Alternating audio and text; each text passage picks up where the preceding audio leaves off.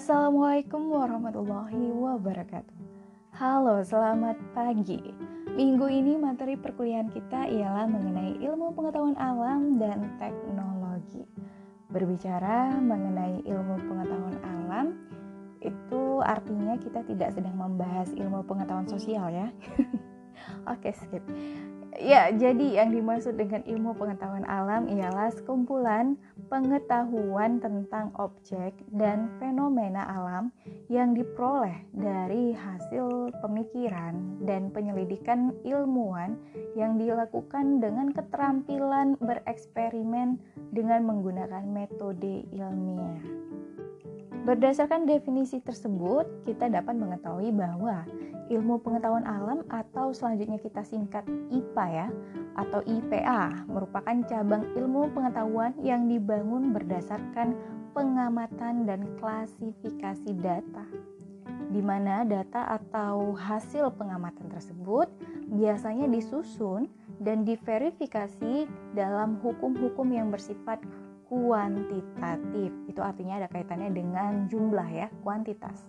Nah, artinya juga nih ya, data atau hasil pengamatan tersebut disusun berdasarkan hukum-hukum yang bersifat kuantitatif dengan menggunakan penalaran matematis dan analisa data terhadap gejala-gejala alam.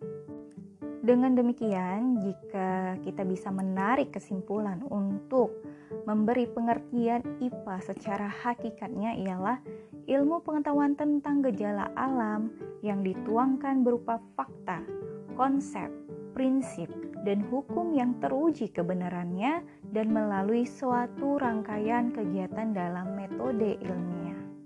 Sehingga tidak heran banyak uh, teori ya ataupun fakta serta konsep juga prinsip maupun hukum yang berlaku di ilmu pengetahuan alam ini diperoleh dari hasil pengamatan terhadap gejala-gejala alam yang terlihat atau dapat dilihat di lingkungan sekitar kita.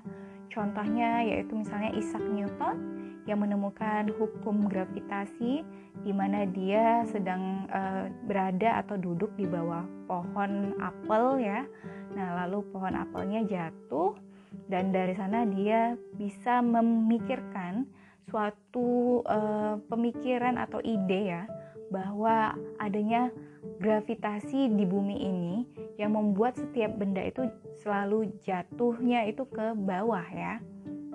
Atau lebih tepatnya Newton berpendapat bahwa buah apel yang jatuh tadi ya ataupun setiap benda yang lainnya yang jatuh itu karena adanya tarikan bumi di mana tarikan atau gaya tarik bumi itulah yang kita sebut dengan gaya gravitasi. Gitu kira-kira ya. Nah, itu adalah salah satu contoh ilmu pengetahuan alam atau um, fakta maupun juga hukum yang berlaku pada ilmu pengetahuan alam. Masih banyak contoh yang lainnya. Dan bukan hanya ilmu pengetahuan alam saja yang menjadi fokus pembahasan materi kita kali ini, tetapi juga ada teknologi. Berbicara tentang teknologi ini, kita ketahui bahwa dari zaman dulu pun eh, teknologi itu sudah hadir atau sudah ada ya, sudah ditemukan. Walaupun sifatnya masih teknologi sederhana. Misalnya ya kalau orang ingin memanfaatkan kemiri begitu ya karena kulitnya yang sangat uh, tebal ataupun juga uh, sangat keras itu orang-orang dulu memecahkan kemiri dengan batu ya. Atau juga misalnya ingin mengambil buah maka bisa menggunakan alat yang disebut dengan galah gitu ya. Nah itu sudah masuk kategori teknologi yaitu misalnya batu tadi galah tadi tapi masih yang lingkupnya sederhana Seiring dengan berjalannya waktu, lalu banyaknya penemuan-penemuan yang hebat lainnya ya, yang berkaitan dengan perkembangan teknologi itu sendiri, maka juga ditemukanlah teknologi canggih yang seperti sekarang ada ya. Misalnya nih, Anda bisa mendengar suara saya walaupun saya tidak sedang berada di satu tempat yang sama dengan Anda dan bahkan misalnya saya merekamnya itu adalah di waktu saat ini misalnya adalah di pagi hari ya lalu Anda mendengarkannya nanti bisa uh, kapan saja, mau siang, sore, karena ini merupakan rekaman. Nah, itu adalah salah satu contoh teknologi terkini ataupun juga modern ya, teknologi modern. Nah, dengan demikian berdasarkan contoh-contoh yang sudah saya sebutkan tadi ya, kira-kira kita bisa mendefinisikan teknologi ini seperti apa? Teknologi ialah penerapan ilmu-ilmu perilaku dan alam serta pengetahuan lain secara bersistem dan menyistem untuk memecahkan masalah. Bahkan menurut Kass dan Rosenwich ya, mereka mengartikan uh, teknologi ini sebagai seni memanfaatkan ilmu pengetahuan alam. Teknologi is the art of utilizing scientific knowledge Nah, kalau menurut Iskandar Ali Sahbana tahun 1980, dia merumuskannya itu lebih jelas dan lebih lengkap mengenai definisi dari teknologi ini seperti apa? Bahwa teknologi itu ialah cara melakukan sesuatu untuk memenuhi kebutuhan manusia dengan bantuan alat dan akal sehingga seakan-akan memperpanjang memperkuat atau membuat lebih ampuh anggota tubuh, panca indera, dan otak manusia. Berdasarkan beberapa definisi tersebut, kita dapat menyimpulkan pengertian atau definisi secara harfiah dari teknologi ialah sebagai pengetahuan tentang cara kebutuhan manusia dengan bantuan akal dan alat. Lagi-lagi dengan bantuan akal dan alat ya. Sehingga seakan-akan memperpanjang, memperkuat atau membuat lebih ampuh anggota tubuh, panca indera dan otak manusia. Nah, ini maksudnya jelas ya bahwa manusia ini kan banyak keterbatasannya tadi ya.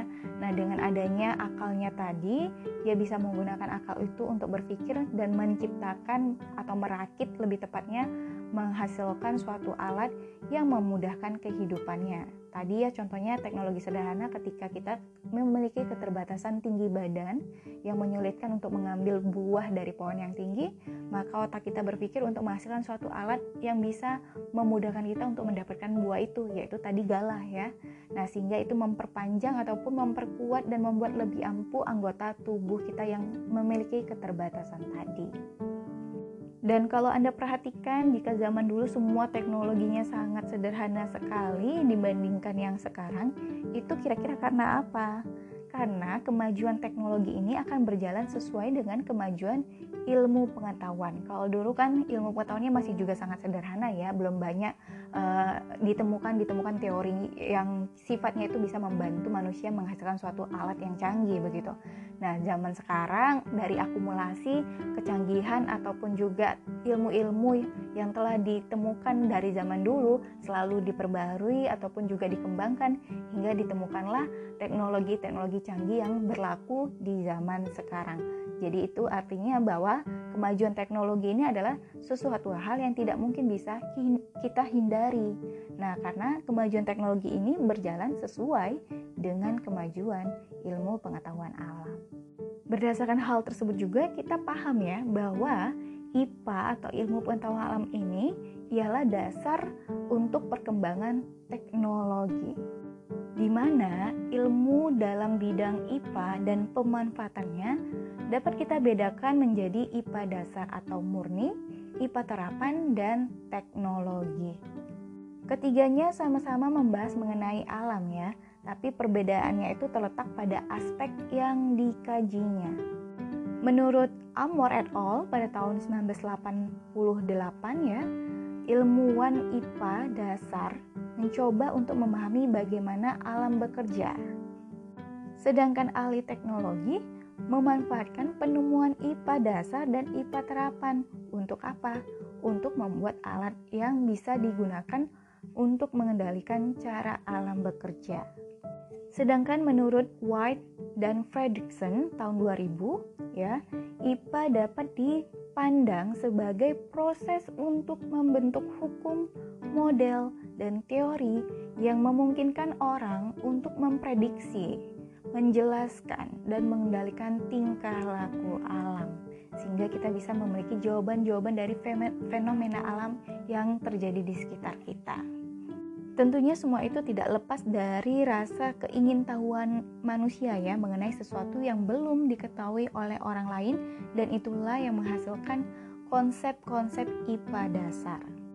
Karena keingintahuan tersebut itu mengarahkan atau menuntun kita mencari prinsip atau teori yang dapat diperoleh dari hasil pengkajian yaitu berupa percobaan di mana analisa atau pengkajian pada percobaan tersebut merupakan pengkajian yang tidak ditujukan untuk mencari kondisi atau proses optimal yang diharapkan, bukan, tetapi untuk memenuhi atau hanya untuk memenuhi penjelasan dari objek atau benda dan energi dan peristiwa alam.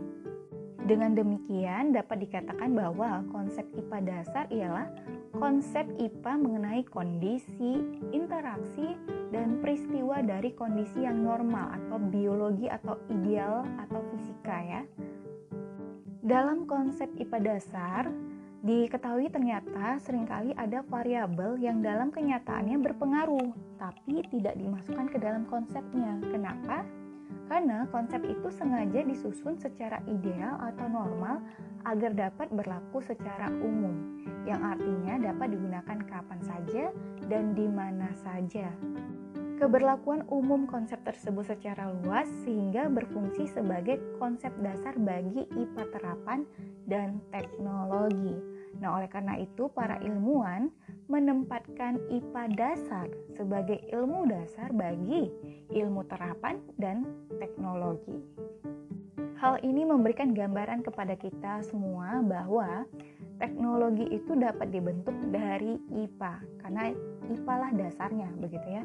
Nah, teknologi tanpa IPA itu ibaratkan sebuah mobil ya yang menyala atau mesinnya hidup lalu juga bergerak maju tapi tanpa supir.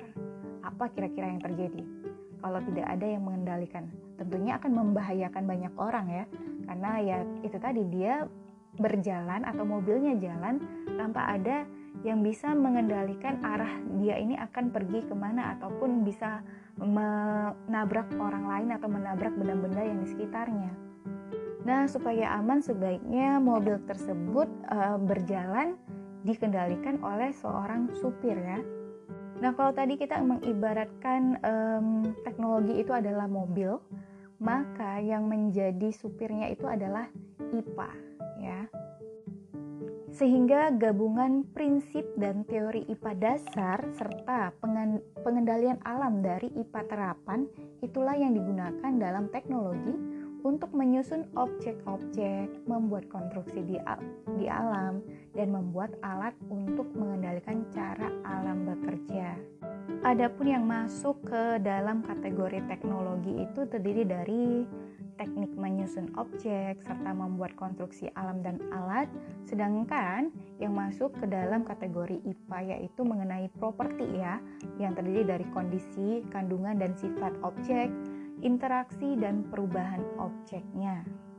Jadi kalau pada konstruksi alam dan alat ya, yang merupakan bagian dari teknologi itu untuk mengatur bentuk, ukuran ruang, ukuran objek, pergerakan dan interaksi objek Nah, sedangkan objeknya itu adalah bagian dari IPA yaitu properti ya dan interaksinya yang diatur oleh konstruksi atau alat bagian dari teknologi tadi. Jadi saling berkaitan.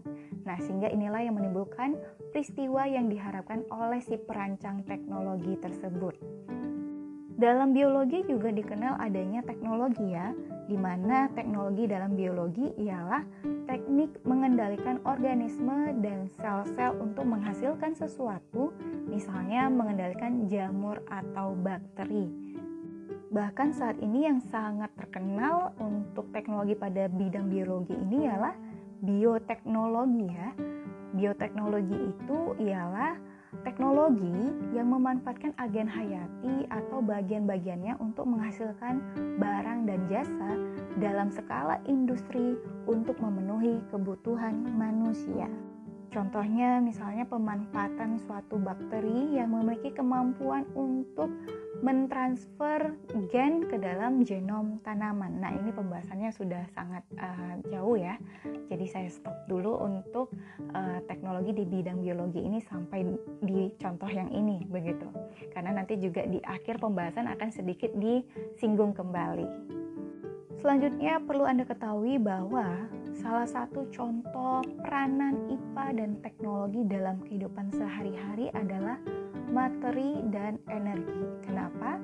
Karena baik materi dan energi ini dapat diolah oleh manusia melalui teknologi berdasarkan pengetahuan atau ilmu IPA tadi ya. Nah, pertanyaan selanjutnya adalah materi dan energi yang dapat diolah manusia ini melalui teknologi itu apa gitu ya? Apa yang dimaksud dengan materi dan apa yang dimaksud dengan energi? Materi adalah sesuatu yang mempunyai massa dan ruang. Contohnya seluruh benda-benda di sekitar kita, meja, kursi, gunung, awan, bahkan udara yang tidak terlihat pun itu juga masuk kategori materi ya karena dia memiliki sifat mempunyai massa dan ruang. Dia bisa menempati ruang atau mengisi ruang walaupun tidak kelihatan.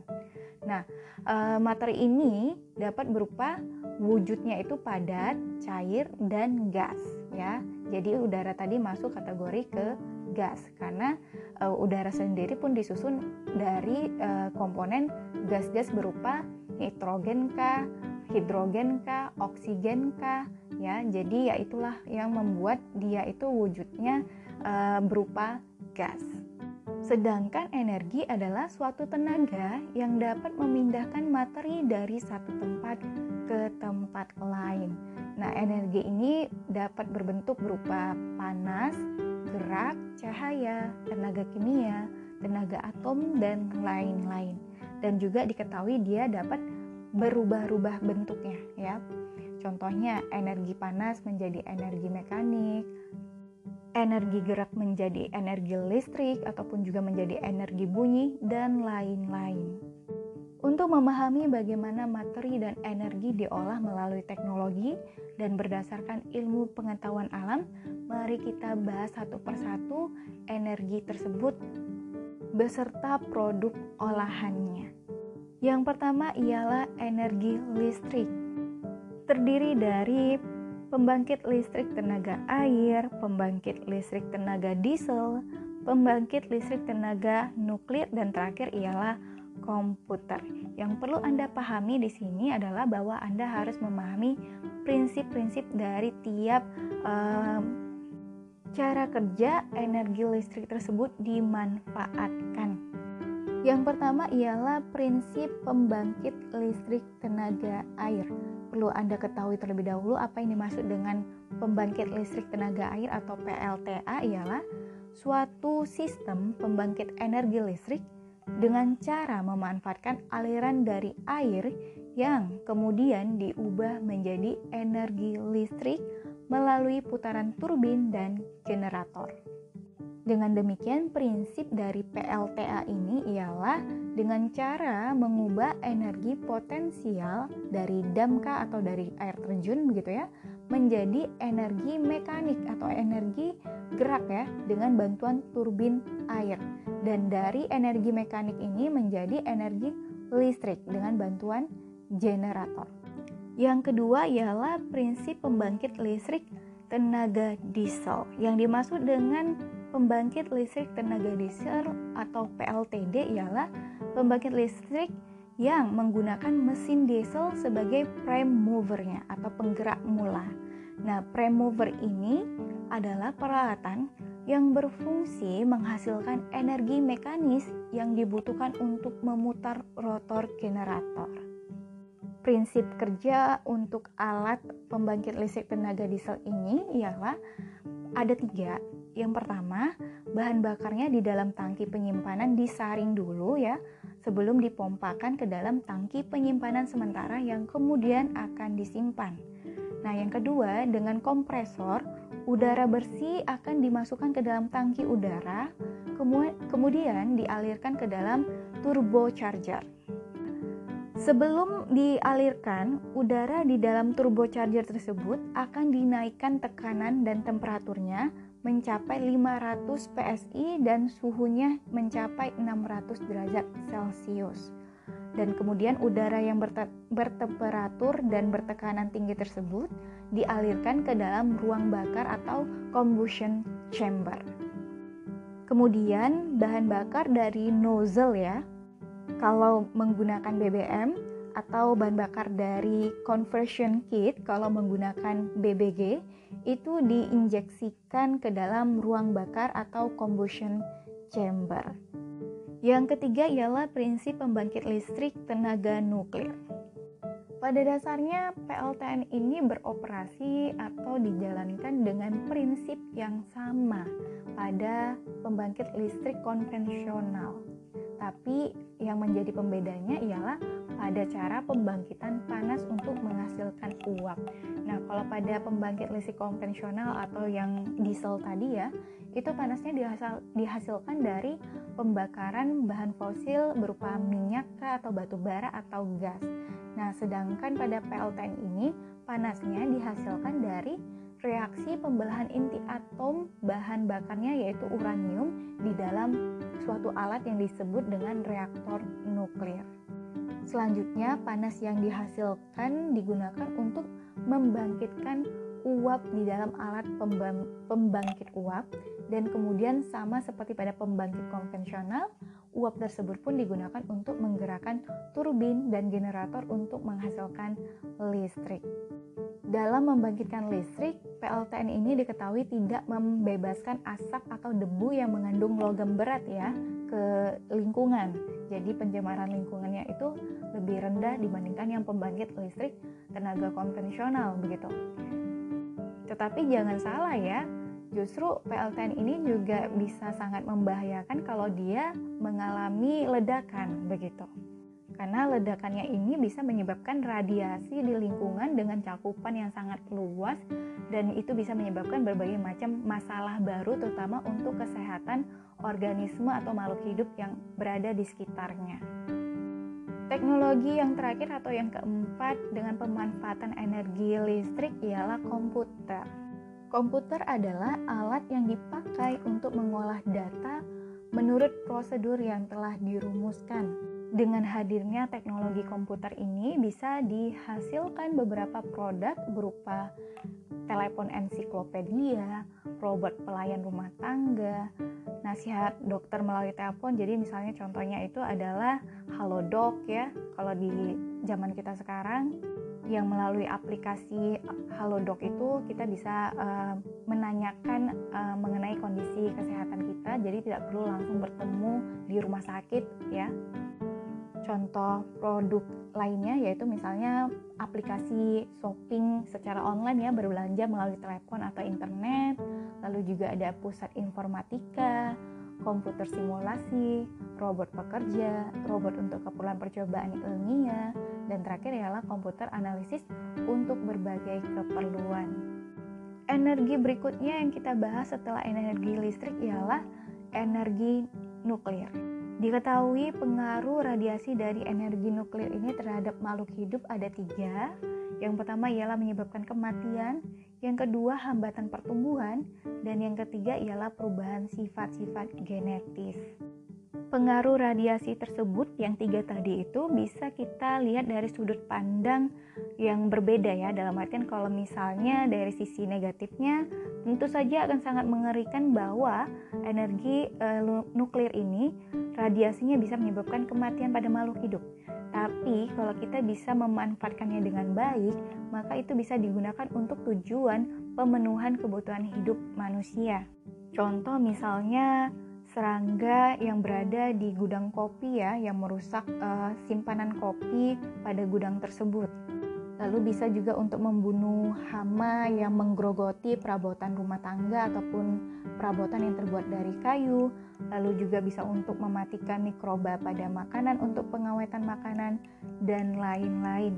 Sedangkan contoh pengaruh radiasi terhadap makhluk hidup yang kedua tadi yaitu hambatan pertumbuhan itu bisa digunakan untuk e, menyimpan umbi ya karena kalau dia dipapari atau mendapatkan pengaruh radiasi e, tunasnya itu tidak akan tumbuh pada umbi tersebut sehingga dia bisa disimpan lebih lama. Adapun pengaruh yang ketiga yaitu perubahan sifat-sifat genetis akibat dari pengaruh radiasi ya terhadap makhluk hidup di mana e, perubahan sifat-sifat genetis ini dimanfaatkan untuk teknologi mutasi.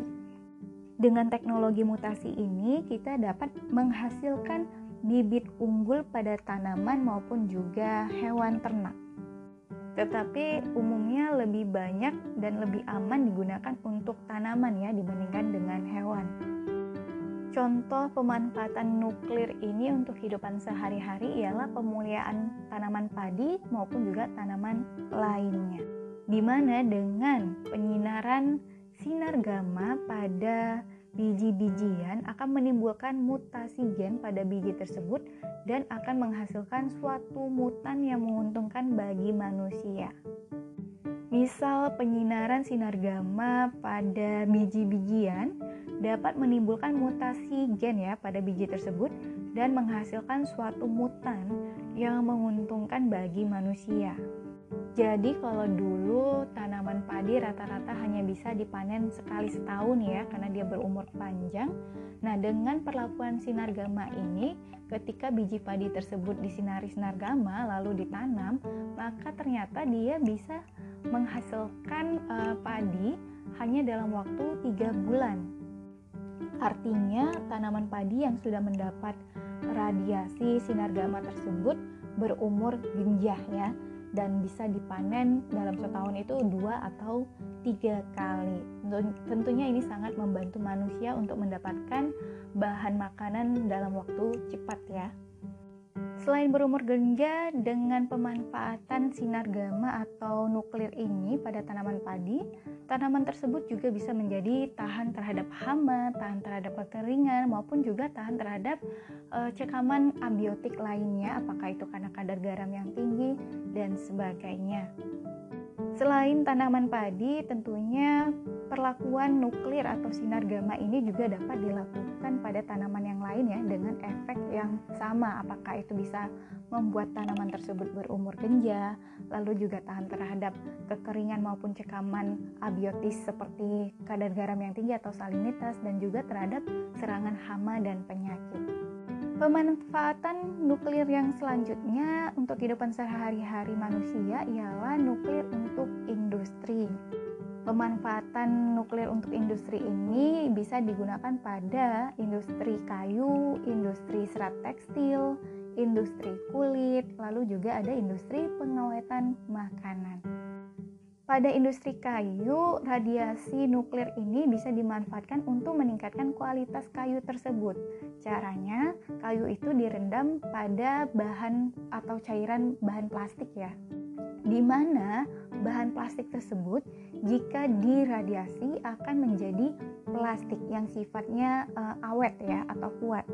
Untuk industri tekstil atau serat tekstil juga tidak jauh berbeda ya. Dengan memanfaatkan radiasi nuklir ini, maka bisa meningkatkan kualitas dari serat-serat atau benang tekstil dan maupun juga dari bahan alami lainnya misalnya kapas maupun serat sintetis ya ini polister yang digunakan untuk menghasilkan suatu uh, pakaian ataupun tekstil begitu ya. Hal yang sama juga berlaku untuk industri kulit ya, di mana untuk menghasilkan tas, sepatu, dan barang lainnya yang terbuat dari kulit dapat ditingkatkan mutunya melalui proses radiasi. Sedangkan pada industri pengawatan makanan yang digunakan ialah pengaruh dari radiasi tersebut yang dapat membunuh makhluk hidup ya. Nah, makhluk hidup yang dimaksud di sini ialah sejenis mikroba ya yang dapat membuat makanan menjadi cepat busuk.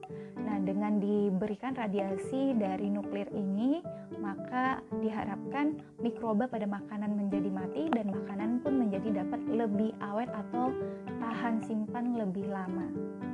Pemanfaatan nuklir yang selanjutnya ialah untuk alasan kesehatan atau untuk tujuan kesehatan. Contohnya ialah penggunaan radioaktif untuk penentuan lokasi tumor atau kanker pada pasien ya. Nah, selain itu juga untuk bisa menentukan kelainan paru-paru, kelainan ginjal, dan lain-lain. Bahkan teknologi nuklir untuk uh, kesehatan ini bisa juga berupa penyinaran atau sinar X ya untuk mendapatkan foto ronsen dari apakah itu tulang seorang pasien yang memiliki masalah mungkin atau untuk melihat apakah ada cairan di dalam paru-paru ya dan bisa juga untuk melihat misalnya ada penyumbatan atau penggumpalan darah pada otak dan masih banyak uh, pemanfaatannya yang lain. Nah, teknologi fotoronsen tersebut ya dimanfaatkan pada uh, industri radiografi. Jadi ada pemanfaatan nuklir dalam industri radiografi. Jadi kalau pada manusia uh, penyinaran sinar X itu dapat memperlihatkan tulang ataupun paru-paru manusia. Nah, prinsip ini juga digunakan pada industri konstruksi untuk memeriksa pipa-pipa baja, lunas kapal, dan lain-lain ya. Nah, dengan menggunakan sinar gamma ini dapat diperoleh gambar yang lebih jelas untuk menunjukkan ada atau tidaknya keretakan yang terdapat di dalam bahan bangunan tersebut. Lebih lanjut, nuklir juga dapat kita gunakan dalam hidrologi ya di mana zat radioaktif digunakan sebagai pelacak pada sistem pengairan. Nah, contohnya ada sebuah zat radioaktif yang dapat digunakan untuk memberikan informasi mengenai kebocoran pipa penyalur air yang terbenam atau berada di dalam tanah. Sehingga itu bisa digunakan untuk menentukan arah kecepatan airnya, debit air tanahnya juga, dan lain-lain. Berikutnya kita akan membahas mesin yang menjadi teknologi untuk industri dan transportasi. Yang pertama ialah mesin premium. Mesin ini terdiri dari silinder, piston, dan roda penerus. Cara kerjanya ialah premium yang tercampur dengan udara atau O2 terpercik oleh loncatan listrik dan menimbulkan pembakaran. Nah, premium yang berubah menjadi gas lalu menimbulkan tekanan yang besar dan tekanan itu mendorong piston serta menggerakkan roda penerus yang selanjutnya akan menimbulkan gerakan pada komponen yang lain. Yang kedua ialah mesin diesel. Nah, prinsip mesin diesel ini sama dengan mesin premium ya.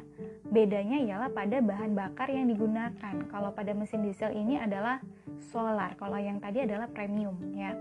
Nah, yang ketiga ialah mesin uap. Nah, mesin uap ini merupakan mesin paling awal di mana dalam mesin ini terjadi pemanasan air untuk berubah menjadi uap. Dan selanjutnya uap itu dalam jumlah yang sangat banyak atau rapat ya akan menimbulkan tekanan dan kemudian tekanan itulah yang diubah menjadi gerak atau energi mekanik. Terakhir ialah mesin jet. Mesin jet adalah mesin yang banyak digunakan dalam pesawat terbang. Nah, mesin jet ini terdiri dari sebuah tabung pembakaran yang tahan panas, sebuah mulut untuk memasukkan udara ke dalam tabung pembakar, dan sebuah kompresor untuk menyemprotkan bahan-bahan bakar ke dalam tabung pembakar, serta yang terakhir ialah sebuah corong pembuang gas yang terletak di bagian ekornya. Nah, prinsip kerja dari mesin jet ini ialah pertama bahan bakar dan udara yang mengandung O2 diinjeksikan ke dalam tabung pembakar. Selanjutnya, pada pembakaran tersebut akan terbentuk gas disertai suhu yang tinggi. Nah, pengembangan gas tersebutlah yang mendorong pesawat dapat bergerak atau terbang ke depan. Teknologi kita yang keempat ialah komunikasi. Ini jenisnya ada banyak ya. Ada percetakan, telegraf, telepon, radio, bioskop, televisi, dan satelit komunikasi. Di mana percetakan ditemukan sejak awal abad ke-15 dan digunakan orang sebagai alat penghasil komunikasi massa berupa koran. Nah, yang kedua yaitu telegraf ya, ditemukan sejak pertengahan abad ke-18 dan semakin sempurna pada pertengahan abad ke-19. Nah, keunggulan telegraf ini bisa membuat orang dapat berkomunikasi dari jarak jauh hingga ratusan ribu kilometer hanya dalam waktu beberapa menit saja. Nah, kalau telepon ini kita banyak sudah mengetahui ditemukan oleh Graham Bell ya pada tahun 1876 setelah penemuan telegraf. Nah, keunggulannya ialah orang dapat berbicara langsung layaknya saya sedang berbicara dengan Anda saat ini ya, satu sama lain, tapi tidak harus di tempat yang uh, sama. Jadi kembali lagi dari jarak yang berjauhan atau lokasi yang berbeda, saya bisa berbicara langsung dengan Anda melalui sambungan telepon ini. Nah, yang berikutnya ialah radio. Pada telegraf dan telepon itu kan yang digunakan kawat-kawat penghubung ya antar satu tempat dengan tempat yang lain. Nah, sedangkan pada radio ini dia dapat mengirim dan menerima pesan tanpa menggunakan kawat-kawat tersebut. Justru pesannya tersebut dipancarkan ke udara. Itulah beda antara radio, telepon, dan telegraf.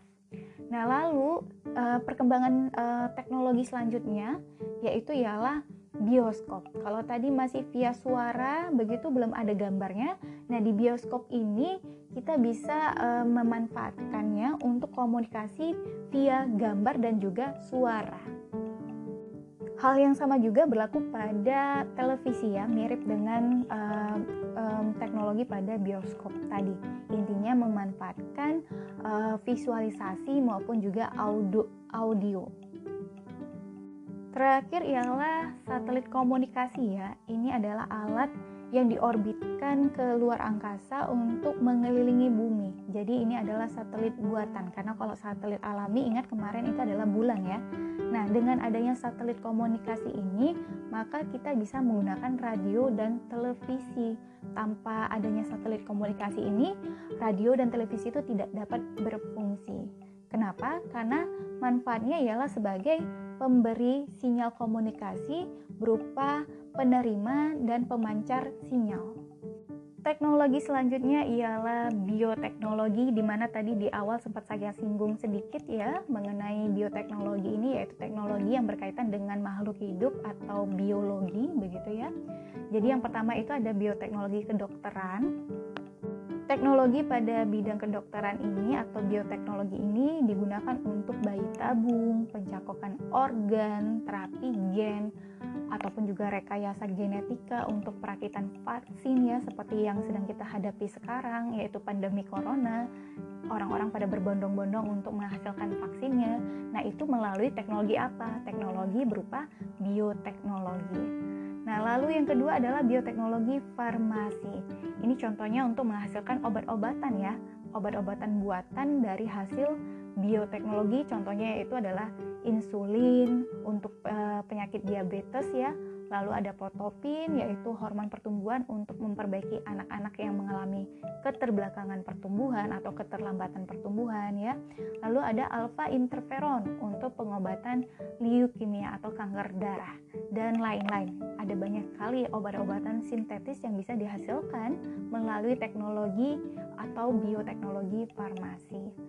Nah, yang ketiga ialah bioteknologi pertanian. Contohnya ini untuk penggunaan hormon pertumbuhan yang dapat mengubah tumbuhan dari diploidi menjadi poliploidi. Lalu juga bisa digunakan untuk kultur jaringan tanaman, menghasilkan tanaman tanpa harus melalui penyerbukan dulu ya, bisa dibuat di skala labor begitu. Lalu juga ada rekayasa genetika tanaman untuk menghasilkan tanaman transgenik atau GMO, genetically modified organism ya organisme yang dapat dihasilkan dari uh, modifikasi genetik. Nah, ini akan menghasilkan tanaman-tanaman yang bersifat unggul atau superior. Lalu yang keempat atau yang terakhir ialah bioteknologi peternakan. Contohnya untuk memproduksi obat dan vaksin serta hormon pertumbuhan ternak dan juga bisa digunakan untuk rekayasa genetika melalui cloning ya, perbanyakan organisme hewan ternak secara laboratorium. Jadi adanya penemuan suatu teknologi untuk menghasilkan organisme baru tanpa melalui perkawinan secara in vivo, tapi bisa dengan cara in vitro di mana kembali lagi tujuan dari rekayasa genetika atau cloning untuk hewan ternak ini ialah untuk menghasilkan organisme atau ternak yang unggul. Contoh yang paling populer atau terkenal dari cloning hewan ternak ini ialah pada domba ya, yaitu namanya domba Dolly. Tapi sayangnya domba tersebut sudah tidak ada ya, sudah lama mati. Tapi masih bisa digunakan teknologi ini untuk menghasilkan doli-doli yang selanjutnya. Ya, jadi saya rasa sekian untuk materi uh, kali ini ya mengenai IPA dan teknologi. Mudah-mudahan bisa dapat diterima dan dipahami dengan baik. Mohon maaf untuk segala kekurangan. Terima kasih banyak atas perhatian Anda. Saya akhiri. Wabillahi taufiq walhidayah. Wassalamualaikum warahmatullahi wabarakatuh. Have a nice day.